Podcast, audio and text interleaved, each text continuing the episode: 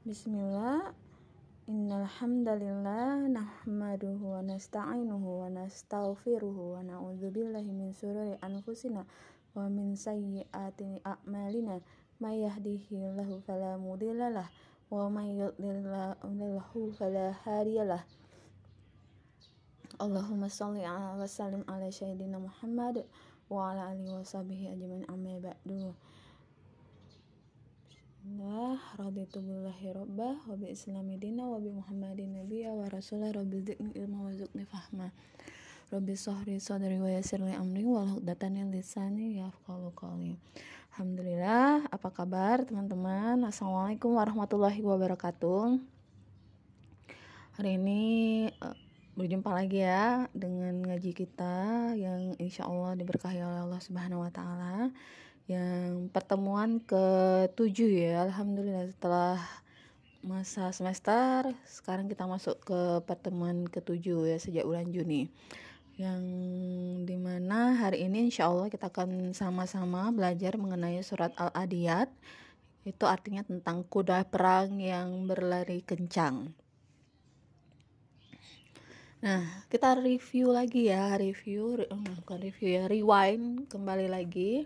Kita udah ternyata kita udah sampai ke tahap ini, ke bagian 7 ini pembelajaran mengenai Quran surah yang yang ada dalam Al-Qur'an. Pertama kita sudah belajar tentang atin yaitu mengenai gemar beramal saleh bahwa memang tidak ada yang bisa menjamin usia kita sampai kapan, maka kita uh, haruslah uh, fastawiqul khairat, berlomba-lomba dalam berbuat kebaikan, uh, gemar beramal soleh. Yang kedua, uh, belajar mengenai surat Al-Alaq agar kita bisa semangat belajar Eh, di surat al ini mengajarkan kita untuk senantiasa semangat belajar. Karena proses penciptaan manusia yang sangat luar biasa dan kita diberikan Allah potensi yang luar biasa uh, sempurna dikaruniai oleh Allah Subhanahu wa taala dengan panca indera yang alhamdulillah lengkap, mampu berpikir, uh, tubuh yang sehat, maka uh, tidak ada halangan bagi kita untuk semangat belajar. Nah, yang ketiga membahas tentang surat Al-Qadar agar kita senantiasa meraih amal-amal istimewa. Eh, kita mengetahui keutamaan-keutamaan amal istimewa dan uh, agar kita tidak melewatkan amal-amal istimewa itu termasuk kemarin ya yang ada yang hari raya doa uh, kurban ya hari raya kurban ya, atau idul adha yang bisa berkurban alhamdulillah bisa berkurban itu adalah amal istimewa. Kita juga punya hari ini ya hari arafah atau berpuasa di hari arafah e, melakukan ibadah-ibadah zikir-zikir di hari arafah. Itu adalah salah satu amal-amal istimewa. Dan kemudian di hari tasyrik ya tiga hari setelah eh, hari raya kurban, hari tasyrik. Jadi hari tasyrik ini adalah di untuk uh, di, untuk tidak berpuasa, berpuasa dari hari Kamis ya. Jadi ini adalah hari raya dan merupakan ibadah-ibadah amal-amal yang istimewa. Tujuannya bukan apa? Tujuannya kita mengharapkan ridho dari Allah Subhanahu wa taala. Kita berharap uh, di amal istimewa ini kita diberikan pengampunan, diberikan Allah ampunan atas segala dosa-dosa kita. Seperti di puasa Arafah ya, uh, di mana itu akan uh, menghapuskan dosa kita setahun sebelum dan setahun yang akan datang seperti itu. Jadi uh, bukan berarti setelah setelah puasa kita bebas berbuat dosa enggak itu uh, merupakan salah satu upaya kita agar tidak masuk ke neraka nah jadi muslim uh, yang cerdas dia akan uh, bisa melihat uh, amal-amal istimewa di momen-momen yang istimewa uh, sehingga tujuannya tidak lain tidak bukan adalah mengharap ridho Allah dan surganya. Nah, yang keempat, setelah kita belajar tentang atin, al-alaq dan al-qadar, kita belajar mengenai al-bayina, yaitu gemar berteman dengan orang-orang baik. Ya, uh, karena dengan berteman dengan teman-teman yang baik, uh, kita akan semakin termotivasi untuk menjaga amal-amal baik kita yang sudah kita lakukan dan termotivasi untuk menambah amal-amal baik yang uh, dikerjakan oleh teman-teman kita. Nah, ini inilah yang akan menjaga kita pada jalan yang senantiasa berlomba-lomba beramal baik berbuat kebaikan ya fastabikul khairat. Yang kelima kita akan belajar kita sudah pelajari mengenai mengenai azazalah bahwa ada perbuatan kita semuanya ini diperlukan tanggung jawab. Maksudnya maksudnya di sini kita bertanggung jawab atas segala amal atau perbuatan yang kita lakukan. Karena bisa jadi bisa jadi uh, bisa jadi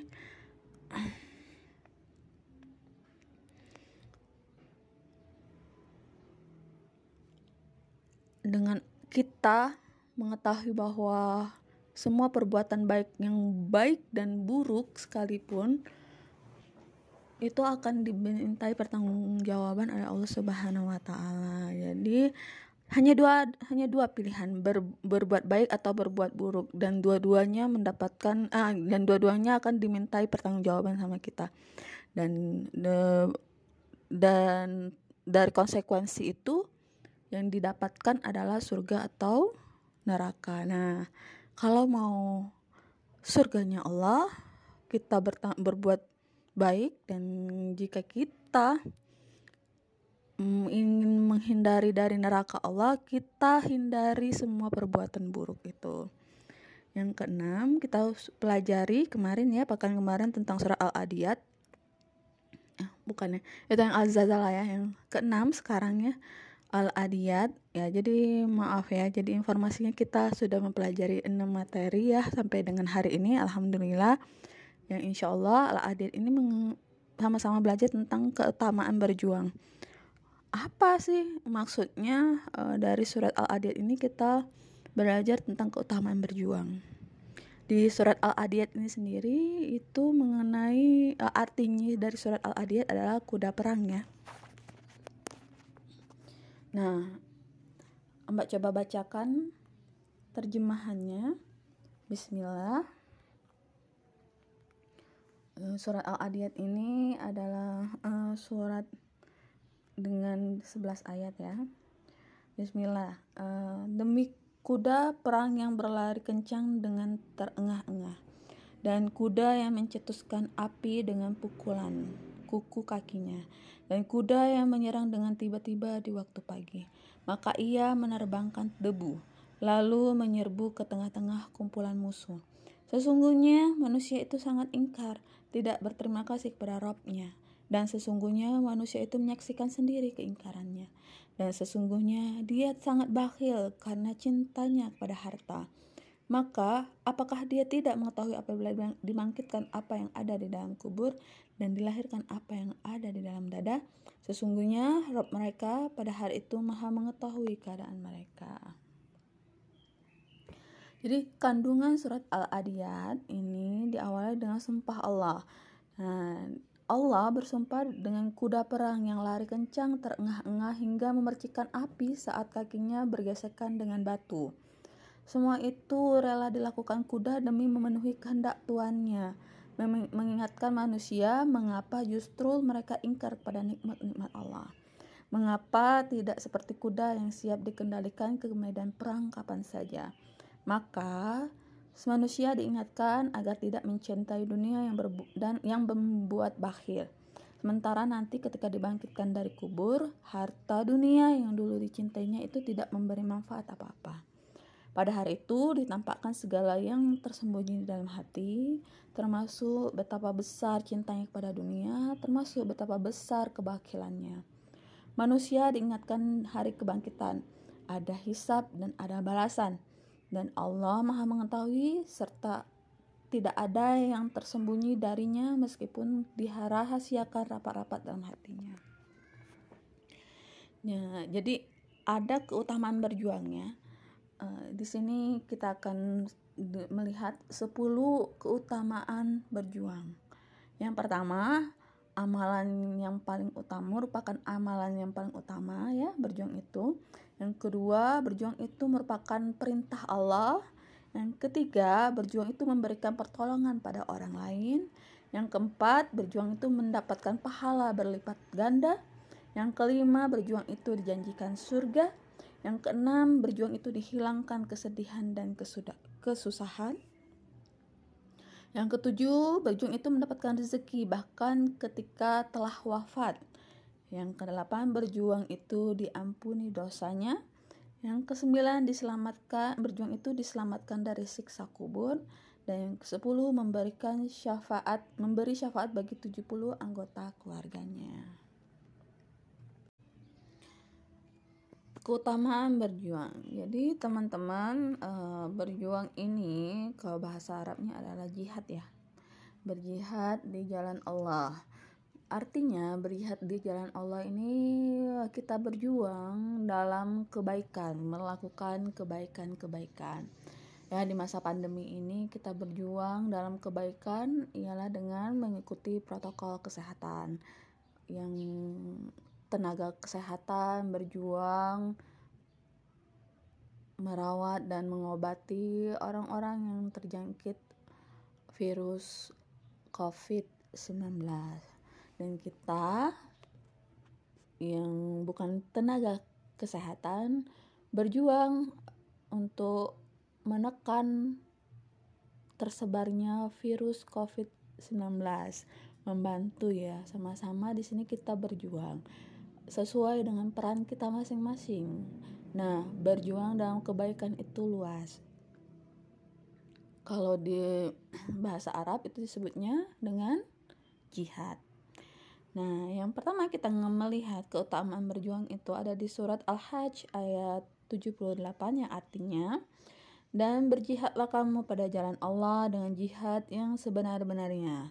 Dia telah memilih kamu dan dia sekali-kali tidak menjadikan untuk kamu dalam agama suatu kesempitan.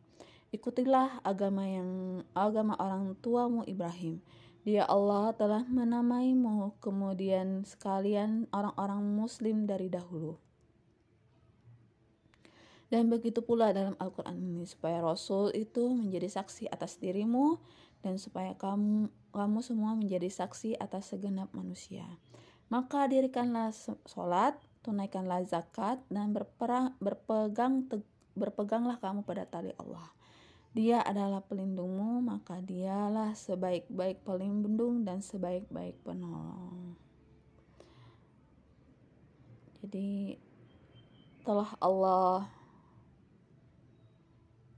sampaikan di dalam Al-Quran ya Allah berfirman di surat Al-Hajj ayat 78 bahwa berjuang itu adalah amalan yang paling utama dan berjuang itu merupakan perintah Allah ya secara sekaligus dan ini juga dilengkapi di surat Al-Baqarah ayat 193 dan perangilah mereka itu sehingga tidak ada fitnah lagi dan sehingga ketaatan itu hanya semata-mata untuk Allah. Jika mereka berhenti dari memusuhi kamu, maka tidak ada permusuhan lagi kecuali terhadap orang-orang yang zalim. Jadi uh, berjuang ini merupakan perintah Allah termasuk kita sama-sama berjuang agar masjid kembali penuh majelis kembali rame lagi dengan cara apa? Dengan cara kita sama-sama mengikuti protokol kesehatan sehingga dengan izin Allah COVID ini pergi dari dari Indonesia dan kita bisa menikmati hari-hari normal kita kembali. Nah, mewujudkan itu perlu perjuangan ya teman-teman. Ya berjuang perjuangannya adalah kita menahan diri, sama-sama menahan diri untuk keluar rumah berinteraksi seadanya seperlunya uh, tidak bisa lagi uh, seperti dahulu karena kondisi kita saat ini adalah berjuang ya karena berjuang itu juga merupakan perintah dari Allah Subhanahu wa taala. Berjuang itu memberikan pertolongan kepada Allah eh, kepada orang lain. Di surat Al-Anfal ayat 72 Allah berfirman, "Berjihad bukan hanya tentang hablum minallah, uh, hubungan dengan Allah, tapi juga hablum minanas, hubungan dengan manusia satu dengan yang lainnya." Dengan berjihad, kita juga sekaligus menjadi penolong bagi orang yang membutuhkan. Nah, eh, terasa ya, insya Allah terasa. Di masa pandemi ini banyak sekali mengajarkan kita bahwa kita sama-sama berjuang.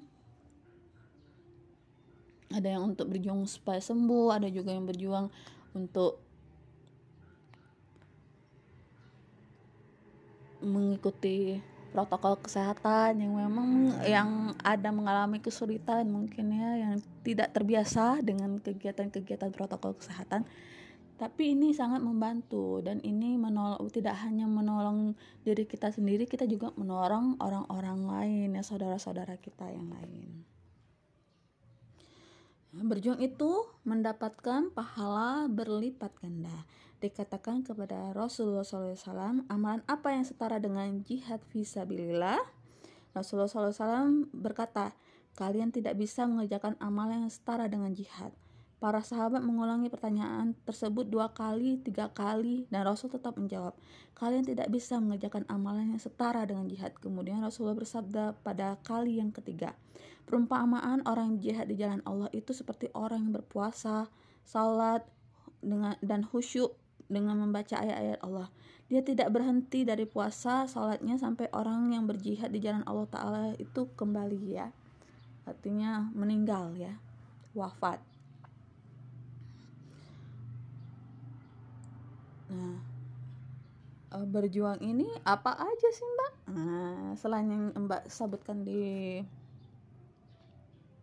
masa pandemi ini tadi, berjuang dari berjuang berperang dari kebodohan. Ya dengan kita sama-sama tetap uh, berusaha belajar mencari ilmu pengetahuan dan tetap sekolah ya. Yang teman-teman yang sekolah yang sampai dengan saat ini SMA tidak berhenti belajar itu juga merupakan berjuang. Itu disebut dengan dengan jihad ya. Adapun juga uh, orang yang orang-orang yang menyelamatkan hartanya dari dari perampokan. Ada juga yang eh, ibu-ibu uh, ibu-ibu yang melahirkan anaknya itu juga berjuang. Itu ada juga itu adalah juga jihad. Jadi kita bisa memaknai berjuang ini uh, di jalan Allah ya. Mempertahankan kebaikan di jalan Allah Subhanahu wa taala sesuai dengan tuntunan yang Allah berikan ya sesuai dengan hukum yang Allah berikan dan dituntunan dari Rasulullah SAW. Yang kelima, keutamaan berjuang itu dijanjikan surga. Di surat An-Nisa ayat 95, Allah berfirman, Allah telah menjanjikan surga bagi mereka yang berjihad di jalan Allah Subhanahu wa taala. Yang, ketam, yang keenam, keutamaan berjuang itu dihilangkan kesedihan dan kesusahan. Rasulullah SAW bersabda, wajib atas kalian berjihad di jalan Allah tabaraka wa ta'ala karena sesungguhnya jihad di jalan Allah itu merupakan salah satu pintu dari pintu-pintu surga. Allah akan menghilangkan dengannya dari kesedihan dan kesusahan. Yang ketujuh, um, keutamaan berjuang adalah mendapatkan rezeki bahkan ketika telah wafat. Rasulullah SAW bersabda, janganlah kamu mengira bahwa orang-orang yang gugur di jalan Allah itu mati. Bahkan mereka itu hidup di sisi Tuhannya dan mendapatkan rezeki. Masya Allah ya. Uh, sangat uh, istimewa kedudukan orang-orang yang wafat berjihad di jalan Allah ini. Yang kedelapan, diampuni dosanya. Jadi orang yang mati syahid di jalan Allah tuh akan diampuni dosanya. Surat As-Saffat ayat 10 sampai 12. Masya Allah ya. Jadi kalau bagi kita-kita yang pelajar ya atau ketika mau belajar um, berjalan menuju majelis berjuang ber, um, menuju sekolah atau majelis itu uh, di dalam perjalanannya kita wafat uh, Allah Allah menilai itu sebagai uh, kita sebagai orang-orang yang gugur uh, jihad visabilillah yaitu diberikan Allah rezeki juga Allah berikan surga surganya masya Allah ya. Yang kesembilan keutamaan berjuang adalah diselamatkan dari siksa kubur. Wah masya Allah ini cita-cita kita juga ya teman-teman di hadis riwayat Tirmizi uh, Rasulullah SAW bersabda orang yang mati syahid mendapatkan enam hal di sisi Allah diampuni dosa-dosanya sejak pertama kali darahnya mengalir, diperlihatkan kedudukannya di surga, diselamatkan dari siksa kubur, dibebaskan dari ketakutan yang besar, dihiasi dengan perhiasan iman, dikawinkan dengan bidadari dan dapat memberikan syafaat kepada 70 orang kerabatnya. Wah, Masya Allah ya, luar biasa nih. Uh, pengen menjadi orang-orang uh, meninggal husnul khotimah dengan label syahid visabilillah. Syahid? Ya orang-orang yang meninggal dengan cara berjuang di jalan Allah disebut dengan orang-orang yang syahid ya mati eh, ya mati syahid ya teman-teman. Dan yang terakhir memberi diberikan ya, memberi uh, ya keutamaan berjuang itu uh, memberi, bisa memberikan syafaat bagi 70 anggota keluarganya ya yang di hadis riwayat Tirmizi dan Ibnu Majah di hadis tadi ya. Nah, gimana sih caranya berjuang? Setelah kita tahu keutamaan 10 keutamaan berjuang dan uh, rasanya rasanya Mbak pengen ya, maksudnya uh, uh, sungguh kasihan kalau orang udah tahu keutamaan berjuang ini tapi nggak mau. Nggak mau uh, dengan keistimewaan keistimewaan berjuang ya berjuang ini jihad ini. Sarana untuk berjuang itu ada berperang di jalan Allah ya. Jadi uh, telah bercerita kepada kami Abu Al Yaman telah mengabarkan kepada kami Shoaib Az-Zukri telah berkata bercerita kepada Sa'ad bin Al-Musyab bahwa Abu Hurairah berkata Aku mendengar Rasulullah SAW bersabda perumpamaan seorang mujahid di jalan Allah dan hanya Allah yang paling tahu siapa yang berjihad di jalannya seperti seorang yang melakukan puasa saum dan berdiri salat terus menerus hadis riwayat Bukhari. Jadi jihad di hadis tadi dapat pula diartikan dengan berperang dengan jiwa dan harta melawan kemiskinan, kebodohan, penyakit, ketertinggalan dalam segala bidang. Ya termasuk kita saat ini pandemi ya.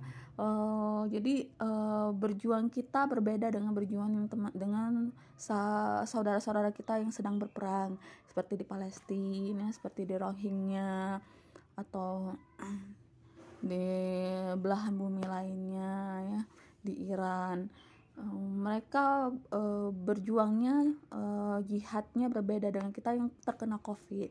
Kita berjuang untuk agar sehat kita berjuang untuk sembuh kita berjuang untuk uh, menjaga jarak seperti itu. Um, apalagi selain itu sarana berjuangnya cara-cara berjuangnya yaitu melawan hawa nafsu diri sendiri itu juga termasuk dalam berjuang. Ya uh, dari Hadis riwayat Tirmizi um, Amru bin Malik Jami telah mendengar Fadlah bin Ubay menceritakan dari Rasulullah SAW beliau bersabda setiap mayit ditutup berdasarkan amalannya kecuali orang yang mati saat terjaga berjaga di jalan Allah. Maka amalannya akan tetap berkembang sehingga hingga hari kiamat dan ia akan aman dari fitnah dajjal Aku mendengar Rasulullah SAW bersabda mujahid adalah orang yang bisa melawan dirinya sendiri ya, melawan hawa nafsu. Termasuk teman-teman yang sudah baik puasa sunnahnya itu salah satu juga melawan hawa nafsu atau teman-teman yang masih masa sekolah melawan hawa nafsunya dari uh, menyontek ya mengerjakan PR-nya dengan jujur dan fair sportif uh, benar-benar menjalankannya. Uh, atau atau teman-teman menahan hawa nafsunya dari gosip gibah. Nah itu juga merupakan cara berjuang ya cara jihad di jalan Allah. Cara jihad yang lain adalah menuntut ilmu dari Anas bin Malik dia berkata Rasulullah SAW bersabda barang siapa keluar dalam rangka menuntut ilmu maka dia berada di jalan Allah sampai dia kembali ya. Hadis riwayat Tirmizi. Setelah berperang di jalan Allah tadi ada juga melawan hawa nafsu menuntut ilmu juga bagian dari cara jihad ya. Uh, yang ketiga mengatakan yang benar di hadapan penguasa yang zalim. Dari Abu Sa'ad Al-Khudri ia berkata Rasulullah SAW bersabda jihad yang paling utama adalah menyampaikan kebenaran kepada penguasa yang zalim dan pemimpin yang zalim.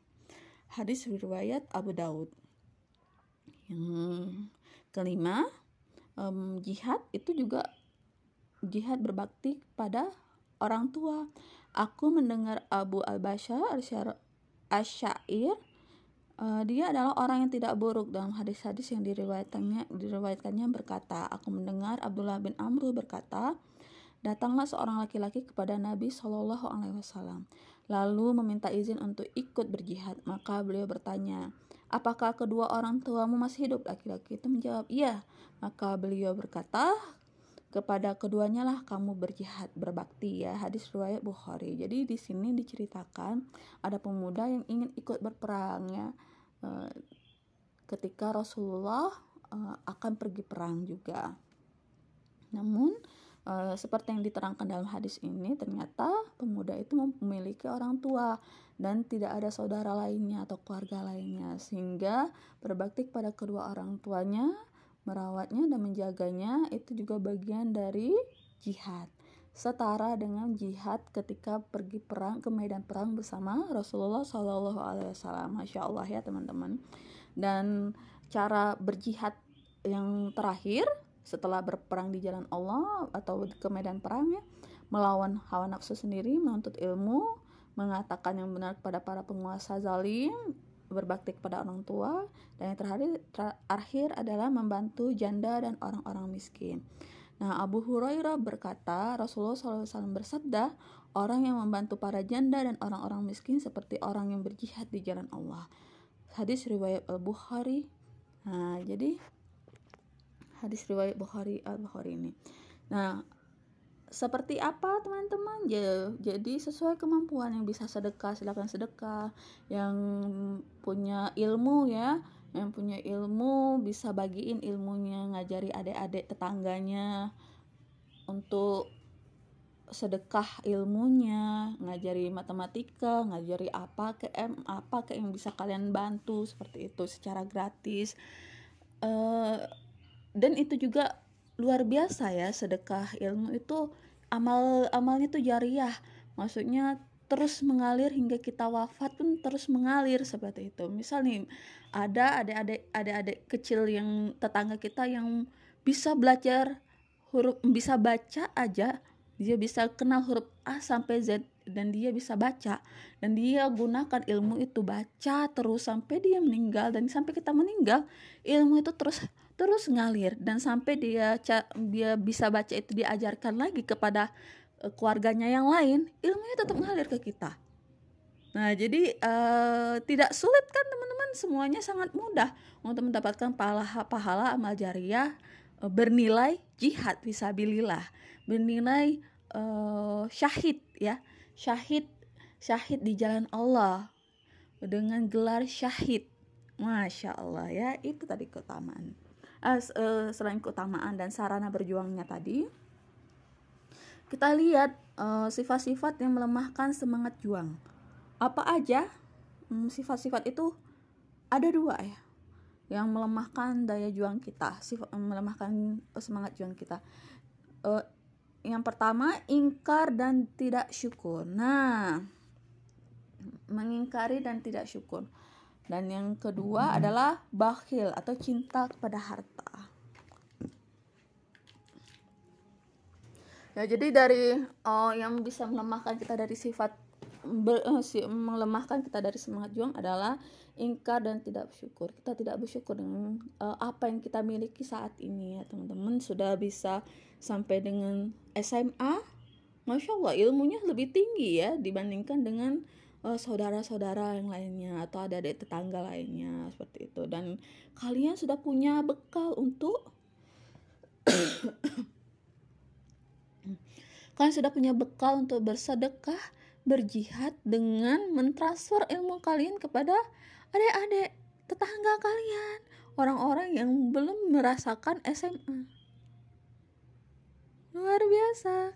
Termasuk uh, saudara-saudara kita yang belum uh, ngajinya secara rutin. Oh tuh sudah kasih kalian uh, keberkahan um, maaf karunia yang luar biasa. Bisa berpikir bisa uh, berbicara dengan jelas dengan lisan yang baik untuk menyampaikan kebaikan-kebaikan dan ini bernilai uh, jihad. Jadi apa tujuan kita di dunia ini? Ya kan hidup bahagia dunia dan akhirat dengan cara kita gemar beramal baik. Terus kita cari e, amal-amal istimewa yang termasuk ya adalah e, berjuang ini. Jihad ini juga merupakan amal-amal istimewa. Kita cari nih karena kita nggak tahu umur kita sampai kapan. Dan amal-amal yang yang sangat mem, yang bisa mengalir sepanjang hayat yang berlipat-lipat tanpa kita ketahui lagi ya itu tadi. Ilmu salah satunya tadi. Bersedekah dengan ilmu itu luar biasa jadi syukur jadi orang yang tidak bersyukur justru justru itu adalah itu yang melemahkan daya juang kita, semangat kita untuk berjuang, ingkar dan tidak syukur ya, tidak bersyukur dengan uh, apa yang kita miliki saat ini yang Allah karuniakan, panca indera yang sehat. Ya, bisa sekolah sampai dengan SMA, bisa ngaji punya kuota, bisa rutin ngajinya. Itu adalah juang. Kenapa berjuang? Karena seperti tasyrik ya, Uh, kita sudah melewati hari tasyrik. Tasyrik itu dari asal katanya dari sarakah, akar katanya dari sarakah atau pencerahan. Yes, terus supaya tercerahkan hidup kita. Ter agar tercerah hidup kita, uh, mendapatkan cahaya hidup kita, uh, bahagia dunia dan akhirat, ya diperlukan perjuangan. Berjuang itu diperlukan pengorbanan. Ya kita udah belajar, udah udah melewati alhamdulillah kita kita melewati uh, hari raya kurban sudah melewati tasyrik selanjutnya ibadah apa yang istimewa yang bisa kita raih ketika uh, setiap 14 detik sebanyak sebanyak 100 orang di Indonesia meninggal gara-gara Covid. Alhamdulillah kita bukan bagian dari mereka. Alhamdulillah kita masih diberikan kesehatan sama Allah Subhanahu wa taala. Dan ini kita harus manfaatkan sebaik-baiknya. Kita sama-sama berjuang uh, mempertahankan mempertahankan teman-teman kita yang soleh supaya kita terus bersemangat untuk berjuang dan gemar beramal baik dan bisa meraih amal-amal istimewa. Seperti yang saat ini adalah jihad. Semoga kita semua menjadi uh, muslim yang husnul khotimah dengan dengan gelar syahid visabilillah dan uh, sifat yang melemahkan semangat juang selain tidak bersyukur atau ingkar juga ya dan ingkar yaitu bakhil cinta kepada harta ya jadi enggan bersedekah kalau punya rezeki. Jadi tidak perlu banyak. Sedikit uh, tapi rutin. Misal kalian punya uang jajan nih setiap sebulan uh, seribu kalian uh, alokasikan dananya untuk untuk bersedekah. Itu sedikit tidak masalah yang penting continue. Setiap bulan setiap bulan dan kalian kerjakan. Jadi berdoa sambil berdoa dan berjuang uh, di jalan Allah untuk mendapatkan lebih banyak lagi uh, harta agar bisa sedekahnya nominalnya lebih banyak lagi. Nah, continue dan continue ya uh, uh, terus menerus. Seperti itu. Nah mudah-mudahan ya demikianlah ya teman-teman. Ngaji kita hari ini mudah-mudahan kita terus bersemangat untuk berjuang uh, karena amalan ini adalah amalan istimewa bergelar syahid visabilillah uh, karena itulah semoga uh, sama-sama kita bisa uh, kita bisa sama-sama berjihad dengan sesuai kemampuan dan kapasitas masing-masing secara maksimal dan Allah ridhoi semua pekerjaan kita lakukan di dunia ini berharap bahagia dunia dan akhirat.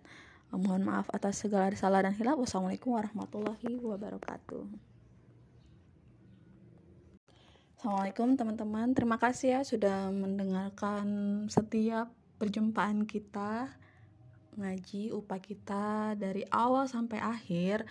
Ya, yang setelah mendengarkan audio mbak dari awal sampai akhir. Semoga Allah berkahi ilmu kalian. Dan mbak harap kalian bisa menjawab pertanyaan ini why is not dan juga bisa menjawab pertanyaan sebelum sebelumnya.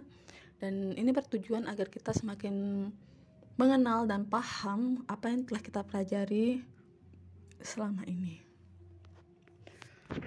Jadi untuk pertanyaan hari ini hanya satu pertanyaannya. Jika uh, jika kita diberi kesempatan untuk melaporkan amalan kebaikan kita di hadapan Rasulullah SAW dan melaporkannya kepada Allah Subhanahu Wa Taala dan mendapatkan pertanyaan seperti ini, uh, wahai fulan, wahai salihah, amalan jihad apa yang ingin kamu kerjakan selama di dunia. Dan amalan jihad apa yang telah kamu kerjakan selama ini? Itu aja ya teman-teman. Ditunggu voice note-nya. Assalamualaikum warahmatullahi wabarakatuh.